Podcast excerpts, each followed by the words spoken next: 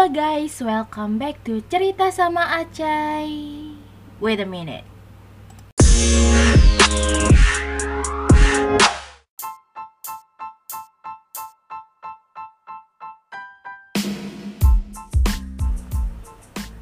Hello guys, welcome back to Mind the Gap podcast yang di mana kita bisa berdiskusi about life, future things dengan podcaster kalian, aku, Aca. Dan kali ini kita akan membahas yang pastinya topik-topik yang menarik dan trending. Penasaran? Yuk, kita mulai.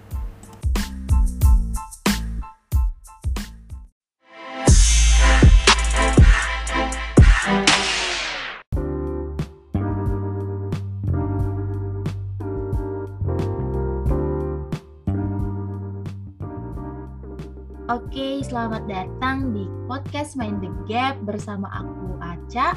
Kali ini aku nggak sendirian dan aku akan ditemani oleh salah satu narasumber kita yaitu ada Kak Salma dari Sosiologi Universitas Pajajaran Angkatan 2021 nih.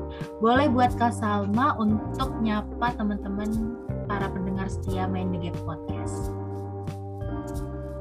Wow, halo semuanya kenalin nih tadi kan udah dikenalin sih sebenarnya sama Aca tapi ya nggak apa-apa aku sama dari Unpad Sosiologi angkatan 2021 dan aku domisilinya di Cimahi. Barangkali di sini teman-teman ada yang di daerah Cimahi bisa main kita ketemuan. 30 menit doang nih ya kalau dari Gerlong. iya betul betul. Oke, kita mulai aja karena kali ini topiknya tentang perjuangan gap year ya. Kan di sini Kak Salma sendiri adalah alumni istilahnya ya, udah nggak gap year lagi nih. Ya. Alumni gap year tahun 2020. Nah, tadi udah disebutin nih tiga poin utama yaitu dari perkenalan, asal, sama udah kuliah di mana. Nah, kita langsung aja ke poin yang keempat yaitu boleh untuk Kak Salma bisa menceritakan uh, perjuangan pas gap year tahun 2020 istilahnya dua tahun yang lalu ya. Boleh Kak Salma dipersilahkan. Oke, nah jadi waktu 2020 aku tuh pejuang UTBK juga sama kayak teman-teman. Uh, tapi ya kodarullah nggak keterima di mana pun. Sebenarnya ada sih universitas swasta yang nawarin tapi kan aku nggak mau salah jurusan gitu. Aku nggak mau uh, menerima jurusan yang tidak sesuai sama passion aku gitu. Terus aku juga tapi nggak menyerah aku. Aku ikutan mandiri ke mana-mana ke semua universitas yang bisa aku daftarin. Ya kodarullah masih gagal lagi. Pokoknya 2020 itu tahun-tahun perjuangan banget sih buat aku Wah, jadi hampir mandiri. Kira-kira mandiri apa aja tuh Kak Salma yang Kak Salma daftarin? Iya, jadi waktu 2020 aku ke 7 PTN. UGM iya, terus apa ya? UGM, UNY, UIN, apalagi lah pokoknya ada tujuh universitas itu. Dan aku kira tuh ya bisalah aku masuk gitu. Pede banget dulu memang. Ternyata ya padahal padahal udah berjuang berarti bener-bener ya harus butuh namanya strategi gitu ya. Nggak semua mandiri yang kita daftar-daftarin udah ngeluarin duit gitu kan.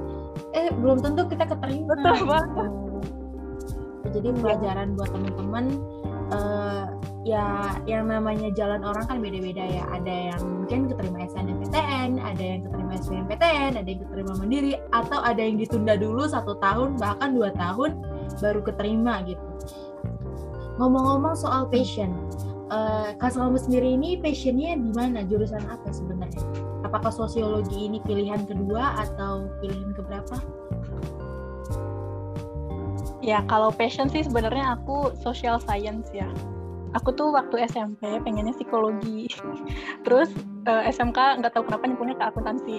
Tapi sebenarnya aku akuntansi kurang suka gitu. Sebenarnya emang pengennya psikologi atau enggak ke kesejahteraan sosial pokoknya social science gitu kemudian kenapa akhirnya milih sosiologi karena di sosiologi banyak belajar hal-hal uh, kehidupan sosial gitu pendidikannya ada, psikologinya ada, ekonominya ada, politiknya ada, semuanya dibahas di sosiologi.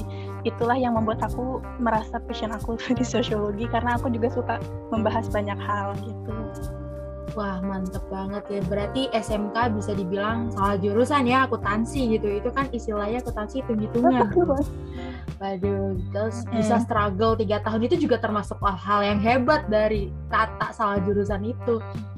Oke, uh, berarti benar-benar perjuangan banget ya untuk apa dapetin PTN Unpad kan bisa dibilang kayak PTN yang incaran banyak orang gitu kayak kursi udah banyak apalagi mandirinya paling mahal gitu. Ya mahal banget mandirinya. Unpad. Mahal banget. Hmm. terus juga apalagi psikologi Unpad kan bukan uh, sosum ya lebih ke saintek. Dan memang ilmu sosiologi itu dipakai guys teman-teman yang mendengarkan dipakai ilmu sosiologi itu di semuanya gitu. Bahkan di prodi aku pun di gizi ada gitu sosiologinya dan itu lebih ke uh, perilaku yang masyarakat itu sendiri. Oke, okay. kalau gitu berarti selama gap year itu ngapain aja? Ya, alhamdulillah selama gap year aku dikasih kesempatan sama Allah banyak banget sih. Aku jadi relawan, aku ngajar, terus juga aku bikin blog. Akhirnya aku juga menemukan passion aku di bidang kepenulisan gitu selama gap year kan nganggur ya.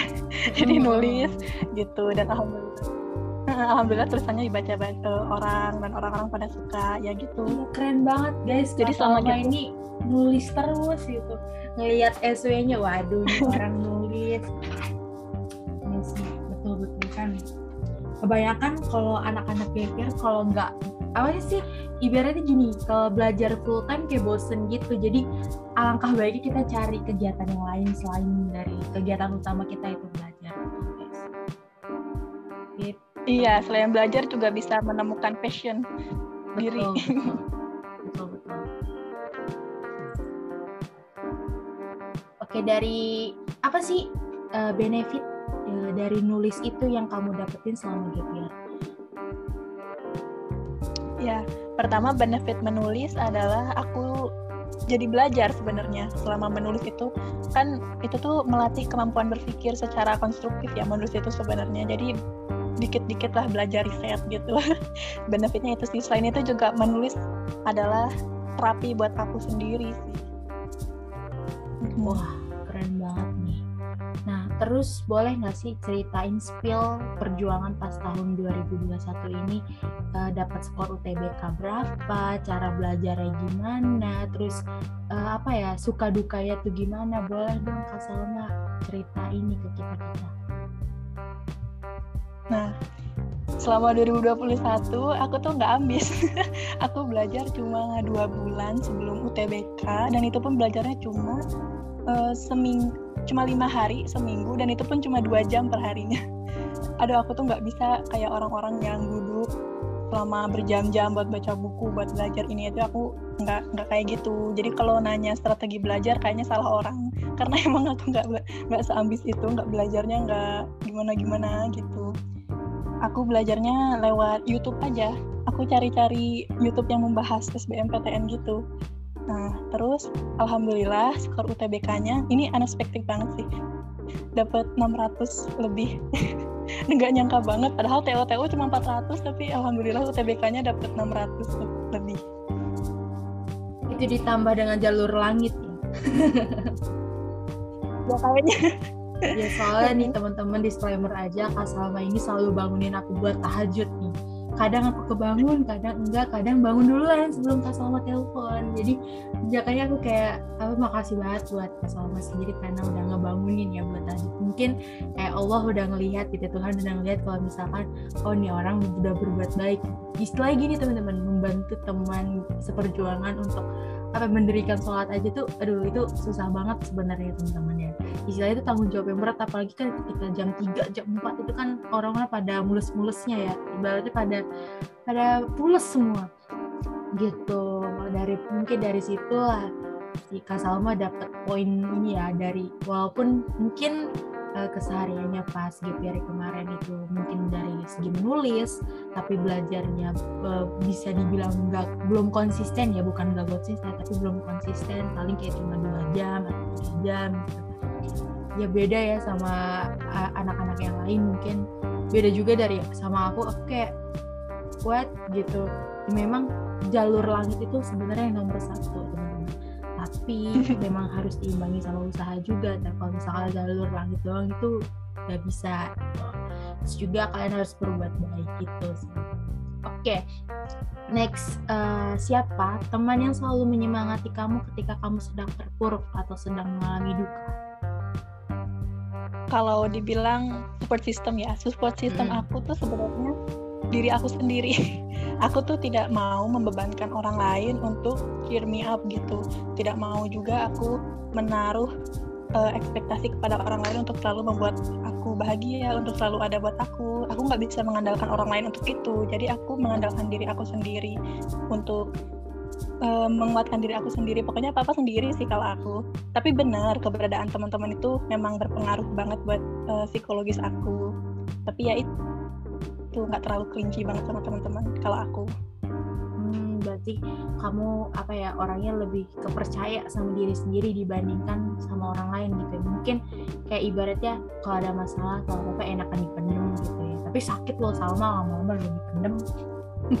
Enggak sih enggak. Enggak mendem juga tapi memang uh, aku cuma tidak mau membebankan orang lain aja gitu. Ya kalau percaya percaya oke. okay. Uh, pernah nggak sih kayak ngerasa sedih pas lagi gap year gitu? Ya kalau lihat teman-teman kan waktu itu teman-teman juga udah pada kuliah gitu. Mereka pada disibukkan sama dunia perkuliahannya sedangkan aku di rumah aja nggak ngapa-ngapain. Ya sebenarnya ada sih rasa rasa sedihnya waktu itu. Tapi ya aku balik lagi. Mungkin ya aku, aku memang harus lebih berjuang lagi. Aku harus lebih melakukan banyak hal lagi gitu. Jadi ya uh, aku waktu itu ya mensyukuri aja keadaan aku waktu itu. Oke, hmm, mungkin uh, kalau misalkan pas di kita nggak dapet apa ya Isa nggak dalam keadaan gapir mungkin pas sama nggak uh, lebih kayak udah santai bukan santai sih udah lebih fokus ke kuliah ya tapi Kak Sendiri memilih untuk gapir oke biasanya eh tadi kan udah ya kalau kalau free time atau di luar jam belajar kan nulis ya kegiatannya. Nah pas keterima nih kan pas pembukaan apa sih pengumuman kan tanggal 14 ya nggak salah tuh. Nah pas penerimaan kamu bangga nggak sih? Kayak langsung sujud syukur gitu nggak sih Iya waktu itu tuh aku uh, sebenarnya kan pengumuman tuh jam 3 sore ya. Mm -hmm. Terus aku tuh telepon gitu, sama cepet buka SBMPTN-nya, kamu keterima. Terus aku tuh kayak, apaan sih ini bohong banget nih orang gitu. Terus aku ngebukanya Isya, habis sholat masih pakai mukena gitu. Terus aku buka dan alhamdulillah uh, keterima gitu. Terus ya nangis karena aku gak nyangka. Iya yeah, benar-benar. Terus pas kipir punya teman-teman yang selalu support? Uh, ada teman seperjuangan juga ada. Ya kayak kamu contohnya kayak teman-teman yang lain juga ada. Terus uh, saat GPR itu mengambil keputusan saat GPR apakah orang tua itu selalu ngedukung atau justru kayak uh, timbal sebaliknya Ya, kalau masalah pengambilan keputusan di dalam hidup weh. Alhamdulillah sih orang tua aku selalu iya nih ya alhamdulillah orang tua selalu suportif karena mereka percaya banget sih sama apa yang aku, eh, percaya banget sama aku gitu. Mereka melihat aku sebagai orang yang sudah mampu memutuskan apa yang terbaik buat kehidupan aku gitu ya. Meskipun aku juga masih suka ngobrol sama orang tua gitu harusnya gimana? Karena aku juga masih butuh bimbingan mereka. Tapi mereka percaya dan mereka selalu support aku alhamdulillah. Wah punya orang tua yang supportive itu kayak indah banget kan? Iya alhamdulillah.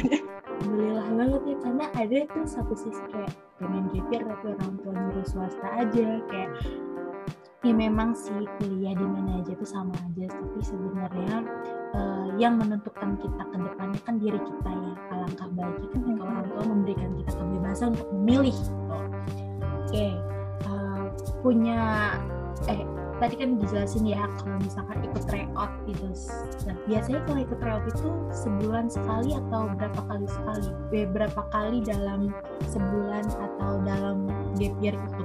Dan perjuangan nilai tryoutnya itu pernah nggak sih sampai titik yang di mana ibaratnya gini, skor 200 itu pernah buat Salma sendiri?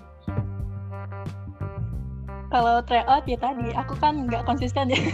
Jadi ya se ya semaunya aku aja lah gitu kalau ada tryout gratis kadang aku ikutin kadang enggak tapi aku nggak pernah ikutan tryout yang berbayar karena aku masih mental gratis gitu dan mental. hasil tryoutnya pun ya itu tadi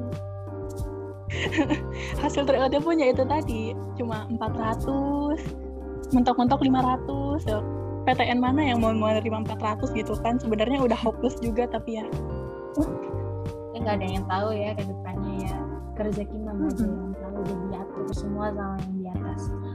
Oke okay. dan disclaimer juga buat teman-teman Kak Salma ini adalah tutor sosiologi di Menegap sendiri nih. Jadi kalau yang mau nanya soal sosiologi boleh banget ya ini Kak Salma. Selain itu dia juga bisa nih di bidang Inggris ya. Di bidang Inggris juga bisa teman jadi buat teman-teman peserta free class yang akan datang dari yang sekarang mau yang akan datang boleh banget buat nge-PC Kak Salma ya.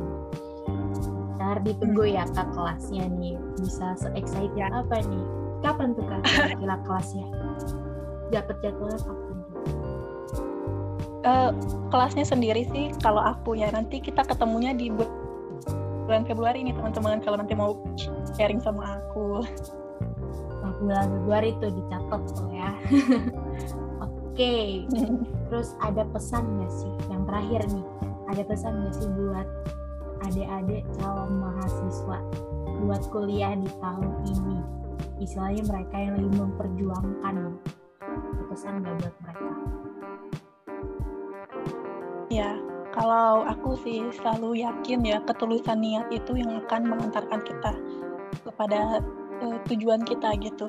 Jadi misalkan teman-teman mau mengincar PTN apa gitu uh, teman-teman tuh harus uh, berdasarkan niat yang benar gitu. Bukan cuma prestisiusnya aja bukan cuma gengsinya aja tapi kenapa teman memilih PTN itu kenapa mau masuk jurusan itu gitu. Self awareness aja sih.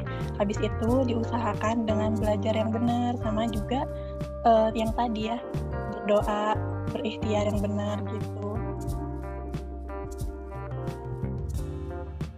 Nah tuh teman-teman Kak Salma udah bilang tuh untuk berdoa dan berikhtiar yang benar. Yang penting mah ikhlas dari hati ya ngejalaninnya gitu nggak usah nggak usah dikeluhin gitu. Boleh ngeluh tapi jangan berlarut gitu. nah pesan juga buat teman-teman tetap selalu semangat. Dan kalau misalnya kalian punya orang tua yang suportif punya teman-teman yang suportif istilahnya kalian nggak sendiri gitu kan harus banyak-banyak bersyukur banyak-banyak apa ya iya bersyukur lah bener nggak ada kata lain dari kata bersyukur karena nggak semua orang nggak semua orang nggak bisa dapat gitu bisa dapat hal yang kalian dapetin itu kayak contohnya mungkin ada di luar sana yang orang tuanya nggak support ada yang di luar sana yang nggak punya teman bahkan dia gap sendiri. Terus ada yang kayak dibully sama teman-temannya gara-gara dia gap year gitu. Jadi istilahnya gap year bukan hal yang buruk karena yang menentukan sukses atau enggaknya bukan kalian untuk kuliah duluan melainkan uh, dari tekad dan nekat kalian sendiri kuliah bisa jadi uh, teman-teman yang duluan kuliah gitu ternyata jadi karyawannya yang pas kemarin ibu ada orang yang dia bully karena gap year nah kita kan belum tahu ya sampai ke depannya ya. Makanya oleh karena itu? kita harus baik-baik lah sama orang itu. Jangan menjustifikasi karena satu hal yang kecil. Ibaratnya kayak gap year itu kan hal yang kecil ya. Ibaratnya hal yang kecil. Karena nunda setahun itu memang hal yang lama ya. Lama banget ya. Durasi yang lama. Tapi di dalam year itu kita bisa belajar hal-hal positif lainnya mungkin dari tadi kita selama kegiatan menulis mengajar itu kan hal-hal yang positif gitu. Mungkin dari dari volunteer juga jadi relawan gitu itu juga termasuk hal-hal yang positif.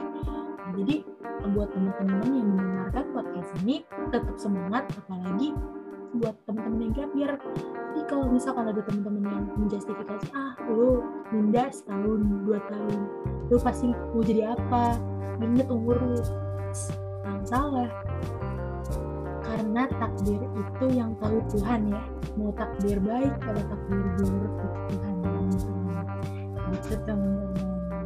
Oke untuk podcast kali ini mungkin sampai di sini terima kasih buat Kak Salma yang mau aku tanya-tanyain seputar gap year dan pertanyaan-pertanyaan mengenai how to ibaratnya struggle in gap year itu gimana uh, tetap semangat buat kuliahnya dan ngajarnya dan kegiatan menulis dan lain-lainnya. Semoga Kak Salma diberikan kemudahan dan kesuksesan untuk sekarang dan ke depannya. Amin. Amin, amin. Makasih banyak Aca. Aca juga keren banget. Semangat, semangat. Enggak, aku biasa aja. Oke. Okay. Lebih keren ya, ya ampun. Woi, enggak, woi. enggak. Oke, okay, untuk podcastnya kali ini aku tutup. See you in next episode. Bye-bye. Bye.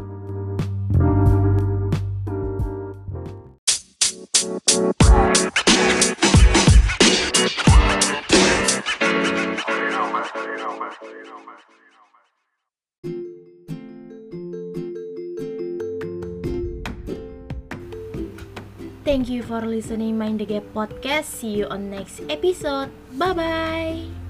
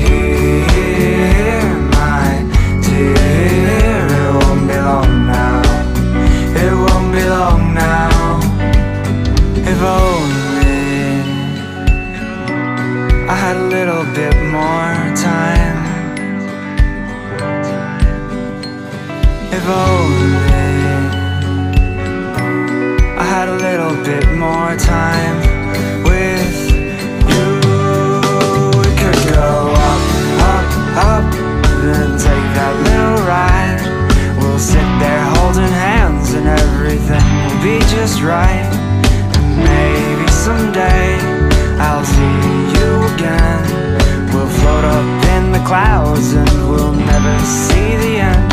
We'll go up, up, up, but I'll fly a little higher. Go up in the clouds because the view's a little nicer. Up here, my dear, it won't be long now. It won't be long